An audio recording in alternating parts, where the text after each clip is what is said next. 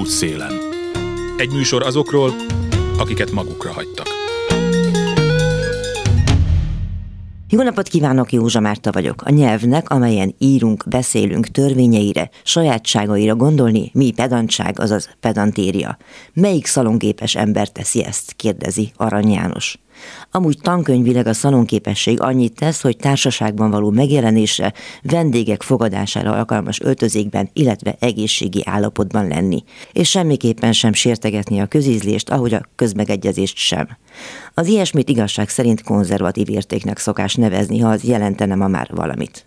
A feltételes mód nem véletlen természetesen. Napról napra jelennek meg olyan elemzések a nemzetközi sajtóban, amelyek szó szerint kiírják Magyarországot a szalonképes helyek közül. Mindenkinek van olyan tapasztalata, hogyha egy külföldivel találkozik, akkor magyarázkodni kényszerül, hogy hát magyar ugyan, de nem olyan, nem tartozik közéjük. Esetleg külföldön járva letagadja, hogy honnan is jött.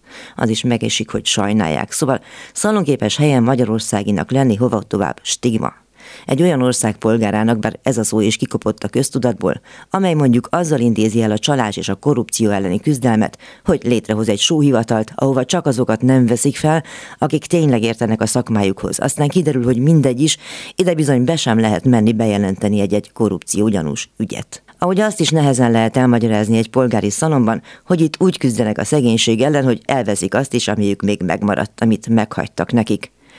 Ahogy egy száz évvel ezelőtti birodalom térképével a nyakában sem szokás egy kormányfőnek szaladgálnia. Igaz, az nem szalon, csak egy meccs volt. Az jobban is megy a miniszterelnök fazonjához. Ahogy a környékbeli országok emet tahú, de még csak nem is szellemes sértegetése és az ő formája. Amot fokozhatta volna az élvezeteket, mondjuk felvehetett volna egy nagy Törökország mintás sálat is, azon is szerepel Magyarország, és ennek biztosan örültek volna az egykori oszmán birodalombéli honfitársaink, a görögök is. Útszélen. A héten nagy felháborodást kívánt úgynevezett szociális törvénymódosítás egyebek mellett kimondja, hogy az egyén szociális biztonságáért elsősorban önmaga felelős. Ez eddig nem volt törvénybe foglalva, hiszen egészen eddig az állam és az önkormányzat feladata volt ez. Lényeges pontja a módosításnak, hogy mostantól a családtagoknak képességeik és lehetőségeik szerint kötelességük lesz segíteni a hozzátartozójukon. Korábban erről csak általánosságban írt a törvény. De vajon csupán a spórolás vagy a fukarság, társadalmi érzéketlenség, netán ideológia is van a kormány kétségkívül kegyetlennek látszó döntése mögött. Egyebek mellett ezt is megbeszéltük Szoboszlai Katalinnal, a Szociális Szakmai Szövetség elnökével. A szociális törvénymódosítás sa ez gyakorlatilag azt hiszem, hogy az egész szakmát derültékből villámcsapásként érdikeli, vagy érzi, vagy érinti. Hogy látja ön, mikor szerzett elő tudomást, mit gondolt erről? Ez valóban így van, váratlanul érkezett, még csak előjelei sem nagyon voltak ennek tapasztalhatóak, mármint ilyen konkrét kézzelfogható előjelei, hogy, hogy bármit is lehetett volna erről előzetesen hallani. Ugye én a Facebook posztból szereztem erről tudomást, ami már így a Fülöp Attila államtitkár úr Facebook oldalán megjelent, és, és gyakorlatilag nyilvánosságra került, és aztán nyilván ez e, megosztásokkal sokfele eljutott, így, így hozzám is, és hát azt gondolom, hogy erre a szakmában senki nem számított, már mint a szakma oktatói, gyakorlóit, kutatóit nézve, hogy egy ilyen változás napirendre kerül. Én mindig azt gondolom erről az intézkedésről, meg nézegettem milyen régebbi, akár 19. századi törvényeket is, hogy hogyan próbálnak meg nem tudom én szegényházak, dologházak, egyebek, mm. hogyan kezdődött el az a gondolkodás, hogy valamit a társadalomnak gondoskodnia kell azokról, a szegényekről és egyáltalán a rászorulókról, nem csak a szegényekről beszélünk persze, akiket nem hagyhatunk az útszélén. Szóval, hogy ön oktatóként is gondolom látja ezt, hogy azért ez egy 19. század előtti gondolat oda visszavetni, hogy bocs, állam, én bocs, mosom a kezeimet?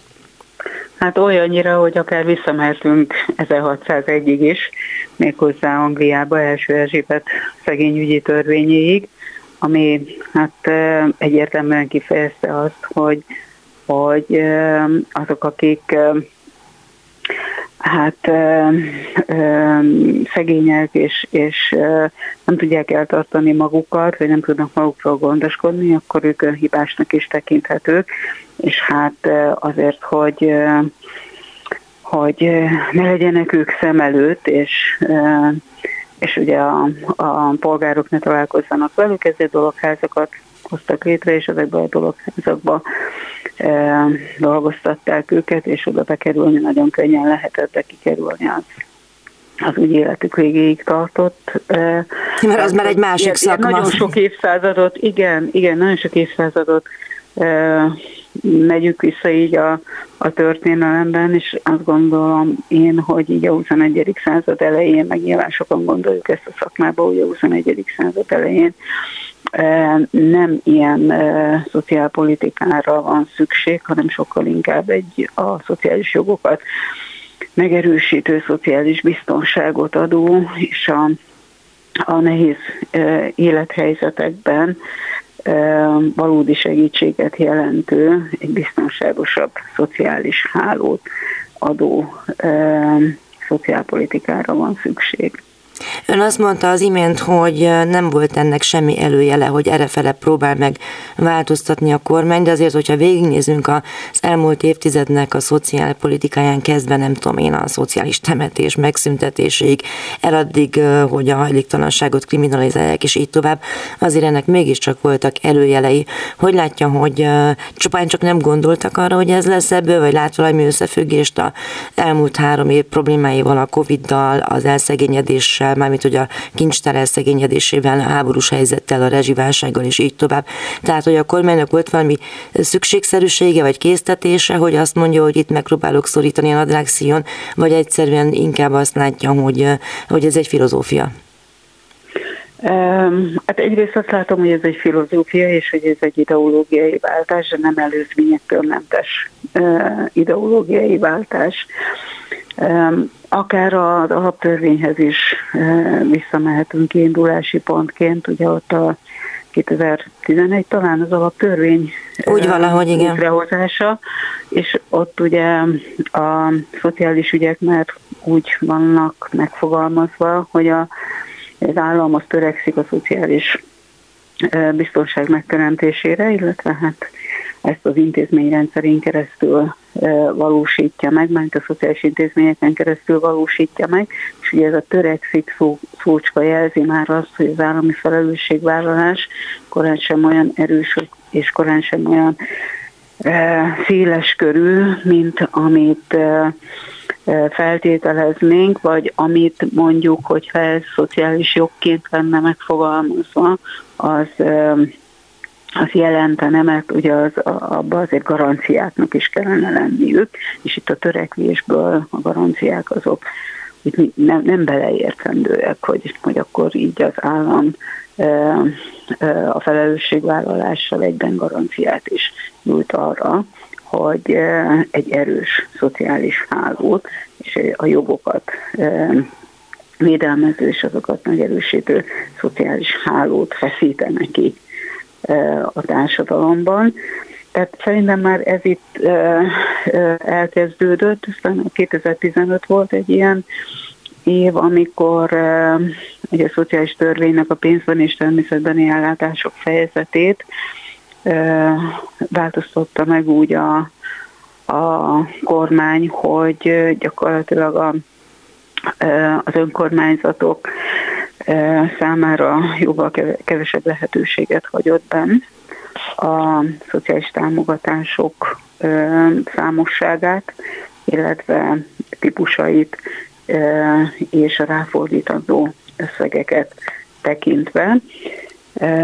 Ugye ennek egy részéből is az állam már visszavonult 2015-ben, és finanszírozási részét sem adta oda az önkormányzatoknak, és rábízta az önkormányzatokra, hogyha ők ezt a saját bevételükből tudják finanszírozni, akkor akkor, akkor ez legyen. De, de hát az önkormányzatok bevételének, vagy bevételhez jutásának igen. lehetőségeit is rendkívül brutálisan korlátozták. Van, igen, például a Covid idején, de 2015-ben olyan támogatási formákat veszített tettek el a, a települések egy, egy jelentős része, amelyek lakásfenntartáshoz kapcsolódtak, amelyek adósságkezeléshez kapcsolódtak, amelyek nem csak krízis helyzetben történő segítségnyújtáshoz kapcsolódtak, tehát hogy ezek szinte csak a fővárosban, illetve a megyei jogú városokban, és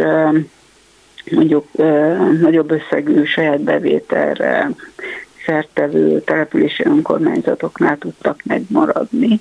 De ugye a Covid idején kivetett szolidaritási adó pedig még több forrást vont el az önkormányzatoktól, ezzel is gyengítve az ő szociális feladataik ellátását. Na jó, de hogyha én állam vagyok, akkor teszem azt, mondhatom azt, hogy oké, okay, én kivonulok kerül a telep, terepről, de mondjuk a civilek, meg az egyházak gondjaira bízom azoknak az ellátását, akikkel én nem akarok foglalkozni, vagy nem fér bele a filozófiámba. Ez, erre vannak a világban példák, erről mit gondol? E, nyilván vannak erre is a világban példák, de azért arra is vannak példák a világban, hogy hogy, a, hogy az állam az mondjuk jóléti politikát folytat, és ebben a jóléti politikába um, um, igyekszik uh, mondjam, olyan biztonságokat tartani az emberek életében, amelyek kapaszkodót jelentenek, amelyek megfogják az embereket, amikor éppen olyan helyzetben vannak, hogy, hogy hogy elbuknának ezekben a helyzetekben. Tehát nyilván ehhez adóbevételekre van szükség, és ez az adóbevételeknek a, a, a, a felhasználásával lehet egy olyan szociális biztonságot teremteni, amiben nyilván a, az esélyegyenlőségi szempontok is érvényesülni tudnak, és akik, akik rosszabb helyzetben vannak, azok esélyt kaphatnak arra, hogy, hogy jobb helyzetbe kerüljenek, akik pedig jobb helyzetben vannak, azok nyilván meg tudják tartani azt a, azt a szociális biztonságukat, amelyek a, a, amiben élnek. Itt, itt most nyilván nem a nagyon gazdagokra gondolok, de legalább a középosztály e, tudja azt magáról, hogy, hogy az ő biztonsága azokon az intézményrendszereken keresztül, akár az egészségügy, oktatás, szociális területet tekintve, az fönn tud maradni, mert hogy az állam szerepvállalása, felelősségvállalása az megmarad, és még minőséget is tud beletenni. Igen, hát amit mondani szoktunk, hogy megakadályozza a lecsúszást, mert itt pont az jut eszembe, hogy folyton a szegényekről beszélünk, de voltak éppen arról is beszélhetünk, hogy hogyan szegényedhet egy ember el. És a magyarországi gyenge középosztályban bizony elég egy buborék, és már azonnal sikerül uh-huh. lecsúszni, mondjuk valaki megbetegszik, mondjuk Igen. valakinek születik egy sérült gyereke, és így tovább. Tehát, hogy a háló nem csak azokra kell, hogy vonatkozzék, akik már nagyon és mindennapi ellátásra szorulnak, hanem azokra is, hogy meg megelőzzük ezt a helyzetet. Ez pontosan így van. Ez így van. Mennyire látja törékenynek ezt a középosztálynak nevezett társadalmat? Tehát melyek tudnak azok az élethelyzetek lenni, amikor az ember egyszer csak így belekerül ebbe a csapdába? Um, elég törékenynek láttam egyébként. Ugye most, hogy ilyen extra válsághelyzetben vagyunk, ez alatt azt értem, hogy most gyakorlatilag egyszerre van a, az energiaválság, egyszerre van az infláció meggerjesztette gazdasági válság, és akkor még ugye valamiféle háborús közelség és abból adódó válsághelyzet is van. Meg a Covid-ot se hevertük Meg még a Covid-ot, igen, még, még talán annak sem vagyunk úgy a végén, hogy igazán a hátunk mögött tudhatnánk a, az egészségügyi válsághelyzetet sem, szóval egy ilyen, ezt nevezem mint ilyen extra válsághelyzetnek, amikor is sok minden jön össze, és, és így e, e, e, extrémen is éri a, a lakosságot, a, a családokat, szóval, hogy itt most elég könnyen, itt most elég könnyen. Itt már nem csak arról van szó, hogy valaki munkanélkül lesz, és elindul egy lejtőn, és hogy ott talál vagy nem talál kapaszkodókat, hanem itt már gyakorlatilag a mindennapi létfeltételekben állnak elő hiányok, hiszen mondjuk a magas árak miatt már kevesebb élelmiszer lehet vásárolni, nyilván kevesebb tápanyaghoz hozzájutni, kevesebb minőségi ételhez hozzájutni, le kell mondani. Bizonyos élelmiszerek vagy, vagy használati cikkek, mindennapi dolgok megvásárlásáról, A fűtésről? A, ezt akartam, az vannak a közüzemi szolgáltatások is, itt most ugye már nagyon aktuális a fűtés, hogy ezt, ezt e, tudják-e a háztartásokban biztosítani, milyen módon tudják, mennyi e, e, tüzelőanyagot tudnak biztosítani maguknak, mennyire fognak fázni a télen, és hogyan fognak megbetegedni a fűtés nélkül lakásokban, és hányan fognak meghalni. Ön a saját környezetében a mit tapasztal egyébként? Már uh-huh. nem úgy értem, hogy családilag, hanem hogy nyilván... Igen. Hát mivel én így a utcai hajléktalanság kezelésében is rálátok, hiszen egy olyan szervezethez, civil szervezethez is kapcsolódom, akik ezzel foglalkoznak, azt, ez a periféria? Azt, ez a periféria egyesület, így van. Azt, azt prognosztizáljuk, hogy jelentősen meg fog nőni azoknak a száma, akik fagyoskodnak a lakásaikban, és ők főleg az időskorúak lesznek. Azok az időskorúak, akik közülük is még veszélyeztetettebbek, akik egyedül élnek, akik nincsenek szolgáltatás közelben, akik azok, azok a családok, akik fogyatékkal élő családtaggal élnek együtt, most akár gyermekkel, akár felnőtt hozzátartozóval, vagy tartós ápolást igénylő hozzátartozóval, hiszen ott ugye ezekben a családokban relatíve kevesebb a jövedelem, mert hogy legalább egy munkajövedelem kiesik a ápolási gondozási munkák miatt. És hát ugye a, a klasszikus szegénységi helyzetben élő családok esetében is, akiknek egy jelentős része gyermekes család, tehát kiskorú gyerekkel, gyerekekkel együtt élő család, és még csak nem is csak a, a szegregátumokra gondolva, hanem a települések belső részein nagyon rossz szigetelés nélküli lakásokban, korszerűtlen lakásokban Hát a lakhatási élőkről. szegénység áldozatai. És ez a lakhatási szegénység áldozatai, pontosan erről van szó. Tehát várhatóan náluk is jelentkezni fog ez a probléma, csak a kérdés az, hogy ki és mikor fogja ezt észrevenni. Ön pontosan hogy, hol hogy dolgozik? nagy a baj. Vagy hol, vannak, hol van az ellátási területük, hol dolgoznak? Nyíregyháza. Mit lát, hogy azon a környéken a menekült kérdés változtatott -e ezeken az ügyeken? Mit belekerültek a rendszerbe? Nem, nem érintette a, a menekült helyzet, mert hogy itt nem, nem nyílt olyan befogadó hely, tehát maga a városban nem nyílt olyan, olyan befogadó hely, ahol tömegesen akár átmenetileg is, vagy tartósan lennének menekültek. Ugye a határokról ők egyenes, egyenesen tovább mentek a fővárosba, tehát hogy itt nem jelentett igazán szakmai feladatot a menekülteknek a, a segítése, és, és igen.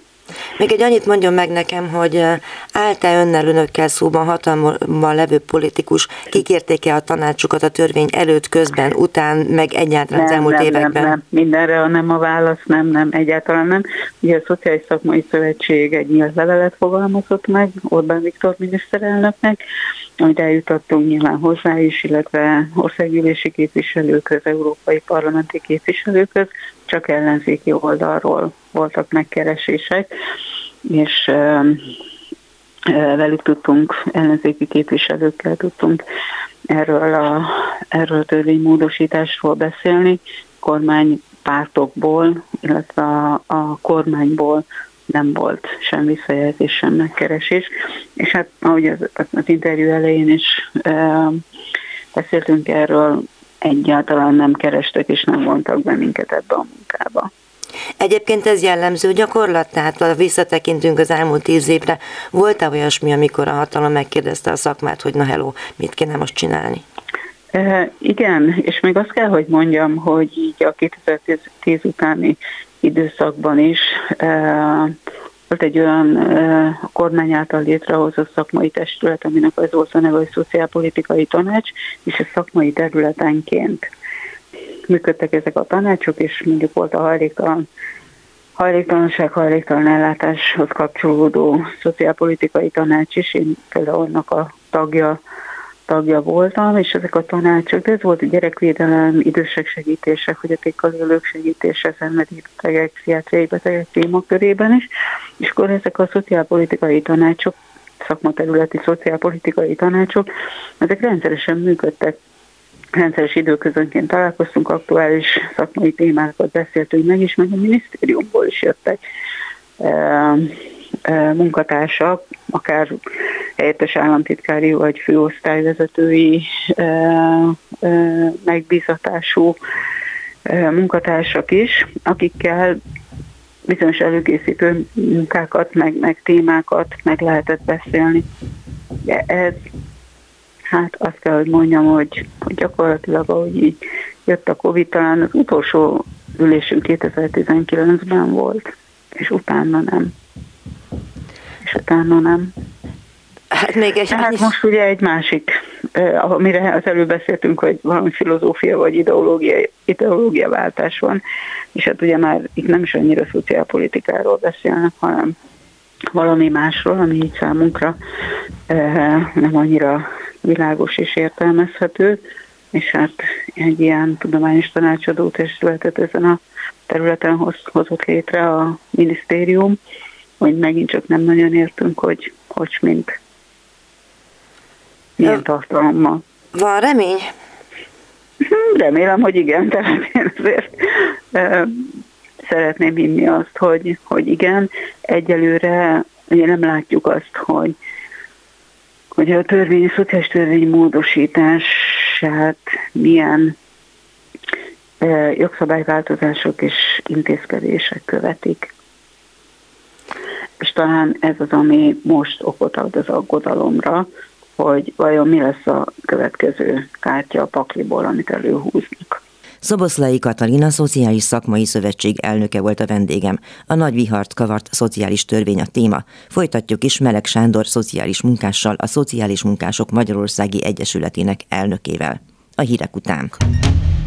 Útszélen. Józsa Márta vagyok a szociális törvénymódosításnak súfolt kirekesztő jogszabály mai téma.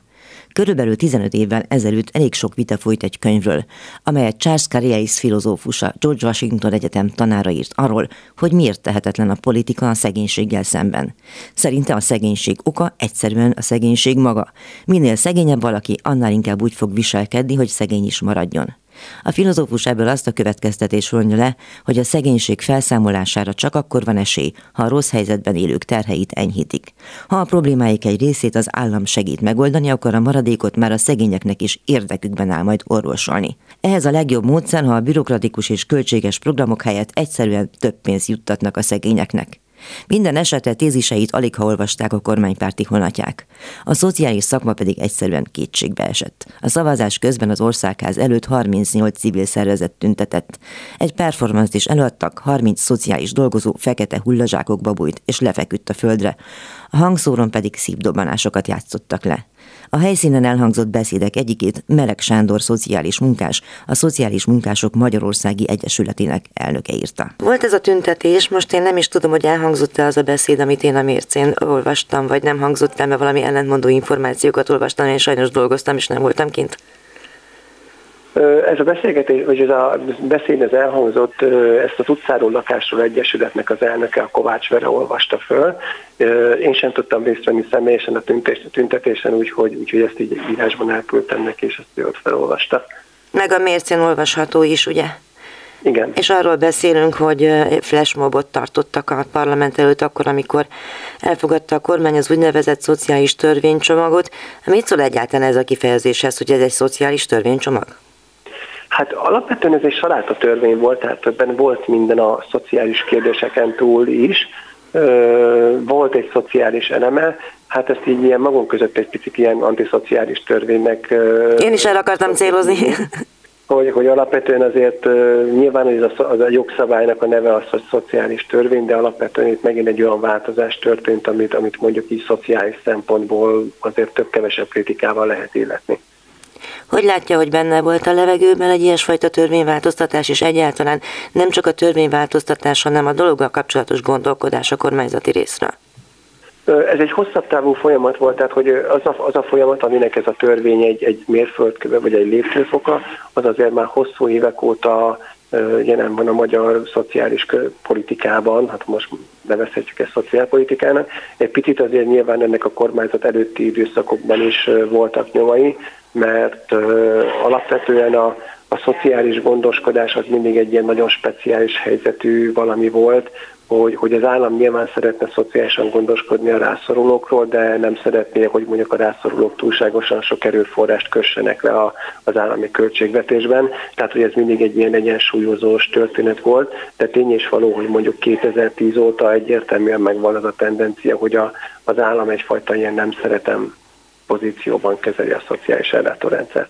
Hol látja ezeknek az emblematikus megjelenéseit? Melyek voltak azok az intézkedések, törvények, mondatok? Gondolom, hogy nem arról beszélünk, hogy senkit sem hagyunk az útszélén, ahogy ezt Orbán Viktor mondta, mert ezt inkább csak ironikusan lehet értelmezni.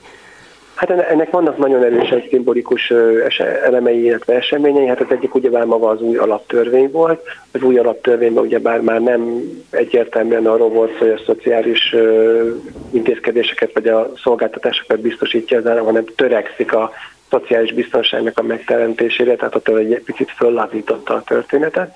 Ugyebár később még itt a szociális kérdések kapcsán megjelent az alaptörvényben például a, a gyerekeknek a szülőről való gondoskodási kötelezettsége, amit külön tettek bele utólag, vagy például, hogy szintén az alaptörvényel kapcsolatban, hogy a hajléktalanságnak a kriminalizáció is egy ilyen lépés volt, Lehetne itt még sorolni mondjuk a segélyezésnek az átalakítását a 2015-ös évben, vagy például a, a, azokat a úgynevezett morális pánikokat, amiket bizonyos társadalmi kisebbségek ellen indít az állam. Tehát most gondolok itt például a gyöngyöspatai romákkal szembeni hergelésre, ami ugyebár a kártérítési ügy kapcsán alakult ki, tehát, hogy itt azért jócskán tudunk felsorolni. Tehát az iskolai diszkrimináció miatt kapott kártérítés kapcsán, ugye a én kecsölök a pénzemért, csak azért, hogy a hallgatók is emlékeztessük arra, hogy mi minden hangzott ott el, és emlékszem, hogy ez még a Covid előtt volt, és hogy nagyon nagy félelem volt, hogyha a Covid nem jön, akkor gyakorlatilag a újabb kipécézett társadalmi csoport az a romák lesznek, akik igen. ellen hergelni igen. tudunk.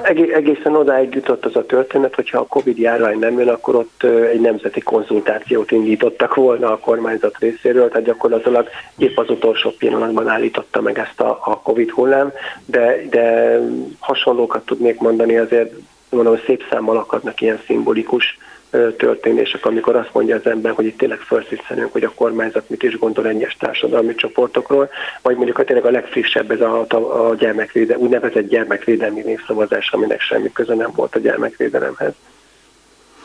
Nyilvánvaló, hiszen, hiszen ez is újabb ellenségképeknek a keresésére irányul. Igen. Hogy látja, hogy most ez elállt, ez kicsit ez a dolog, most ugye háborús retorika van, előtte Covid volt, aztán a menekült válság állandóan újra töltve, de kiért aggódik a legjobban, vagy milyen csoportokért aggódik a legjobban?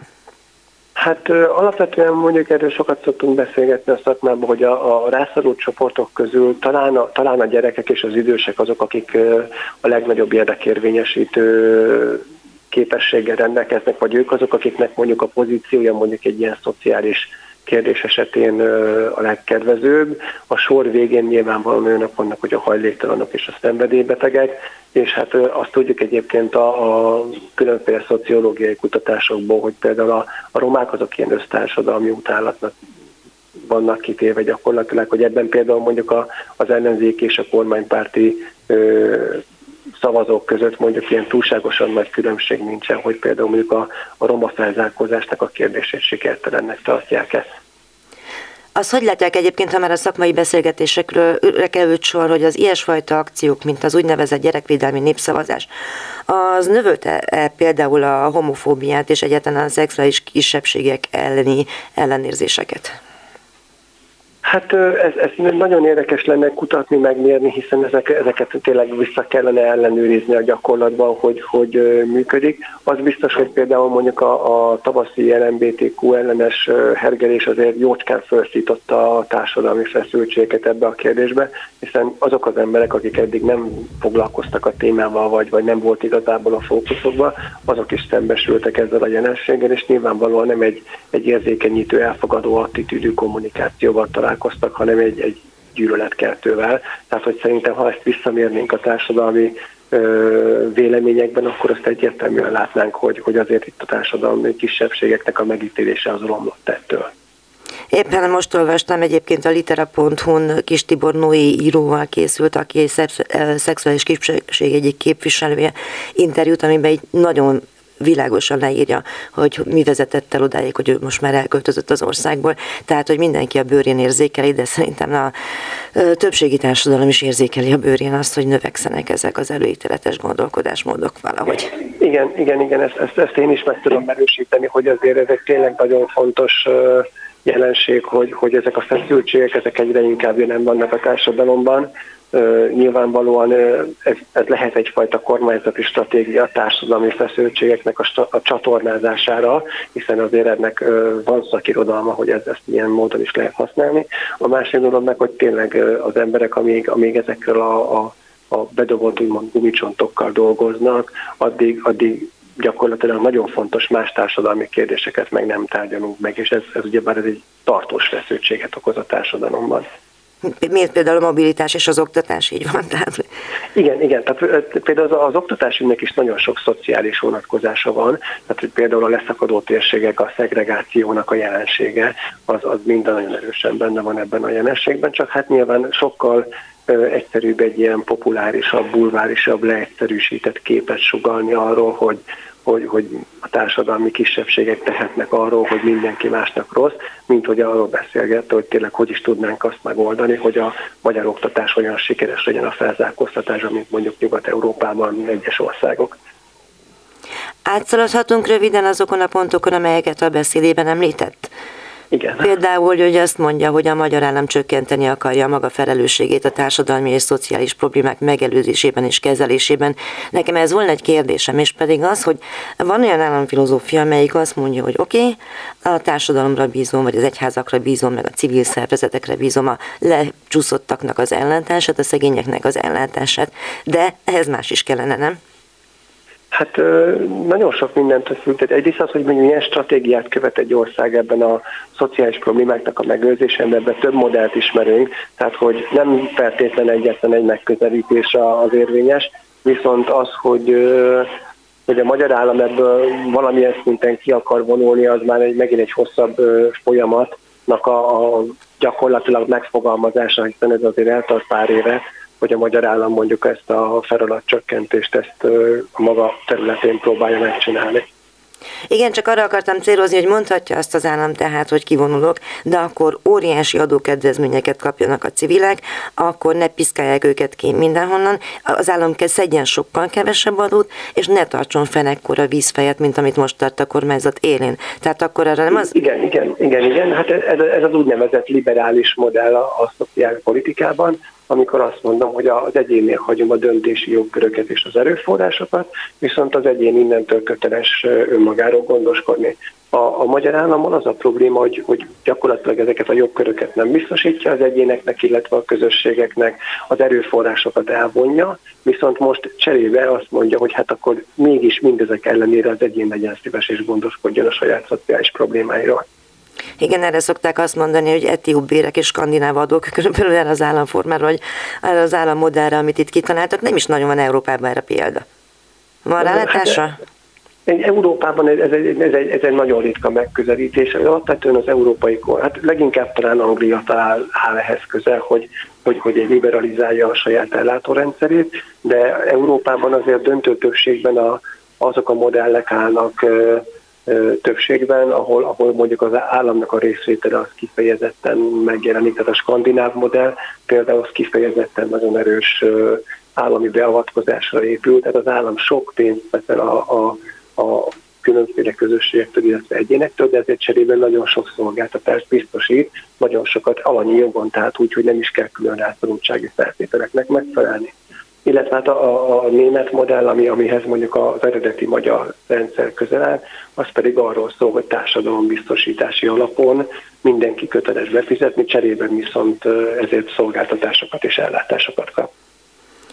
Aztán említi azt is, hogy a szociális munka kiadásainak érdemi növelése lenne az egyik cél, vagy lehetett volna az egyik cél, ahelyett, hogy a családokra és az állampolgárokra terheljék a szociális ellátásnak a mindenféle fajta terhét, de hogy hol látja, hogy hol kellene a legnagyobb segítség, mi az, a, ahol a legtöbb erőforrás hiányal szenved a szakma?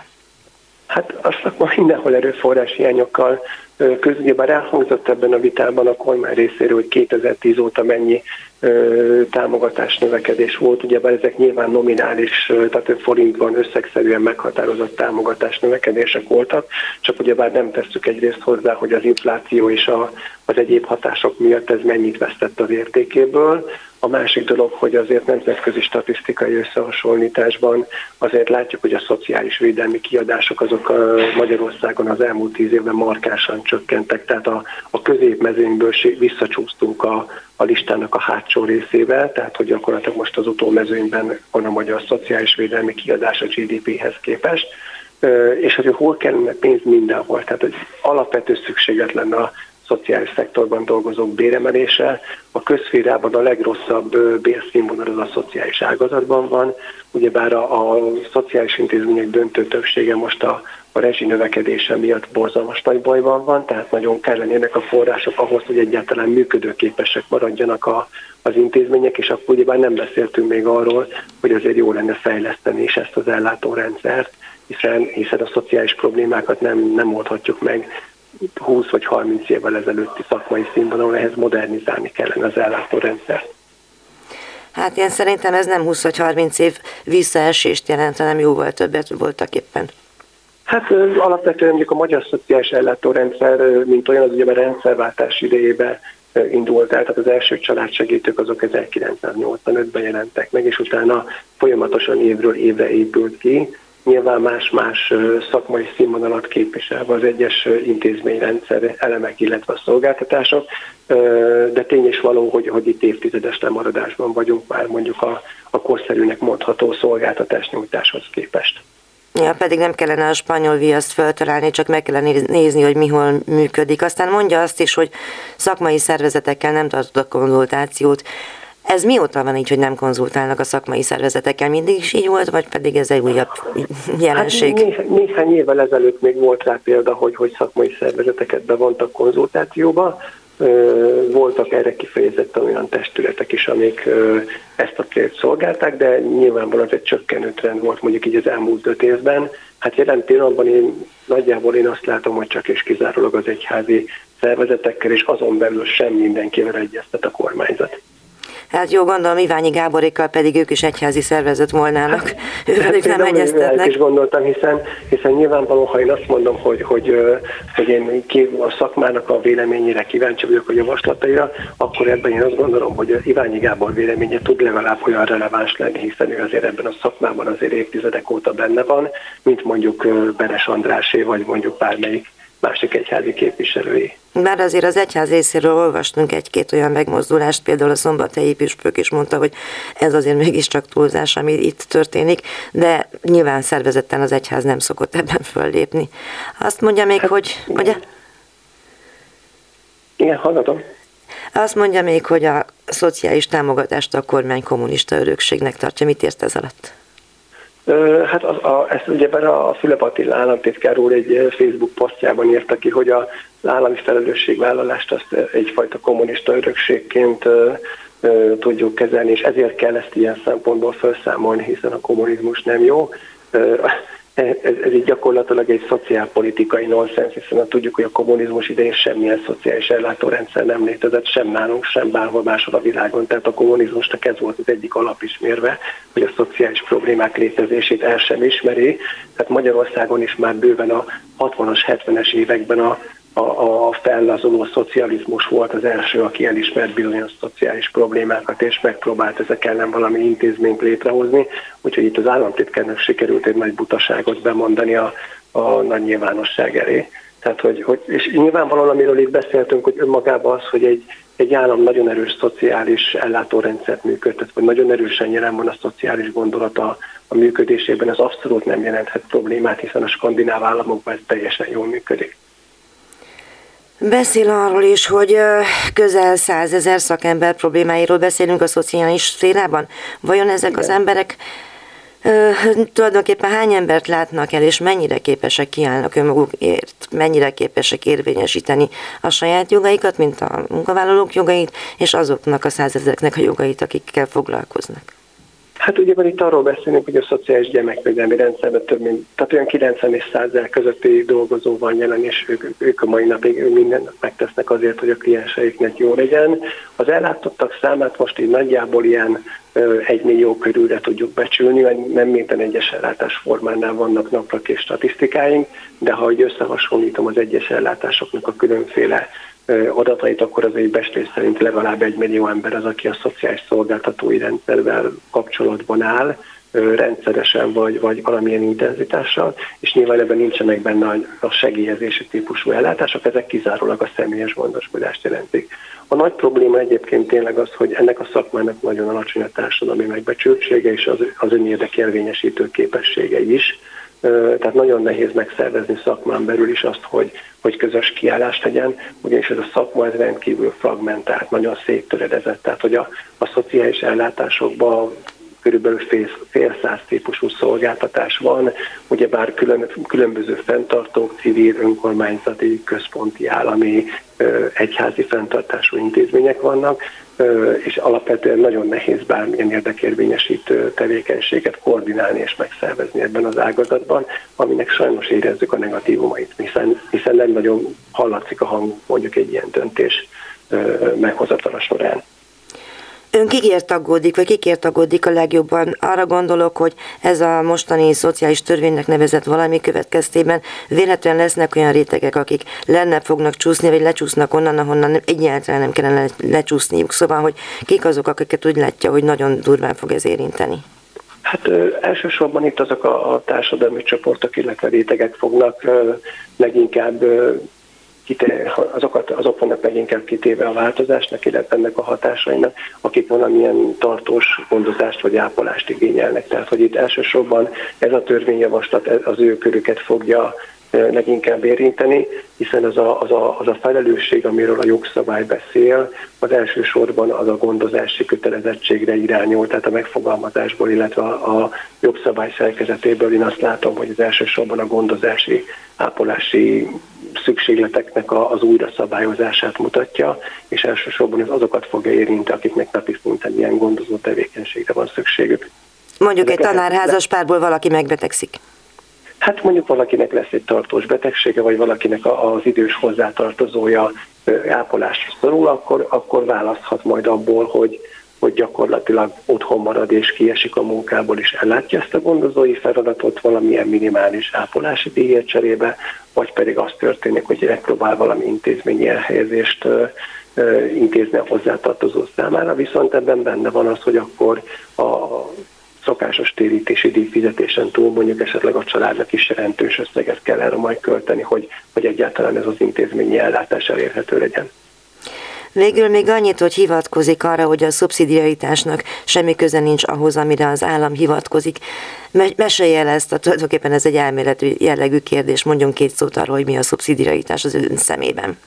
Hát a szubszidiaritás nagyon röviden annyit jelent, hogy a, a, mondjuk a szociális problémákat azon a szinten kezelem, ahol, ahol a, ezek föllépnek, ahol megjelennek ezek a szintek, Nyilván például, hogyha egy egyéni szociális probléma van, akkor én ezt az egyénnek a szintjén kezelem, és nem társadalmi beavatkozást csinálok. Ha meg társadalmi beavatkozást igénylő probléma van, akkor ezt meg nem az egyénnek a szintjén próbálom kezelni. Ilyen például mondjuk egy gazdasági válságnak a hatása például jelen pillanatban.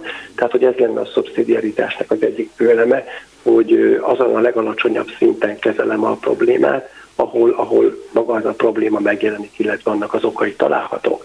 A jelenlegi erre a hivatkozással az a legnagyobb probléma, ahhoz, hogy a szubszidiaritás működjön, ahhoz nem elég a, a, az egy-egy szintekre rátolni a felelősséget, hogy kezeljék a problémát, ahhoz biztosítani kell jogköröket és megfelelő mennyiségű erőforrást is.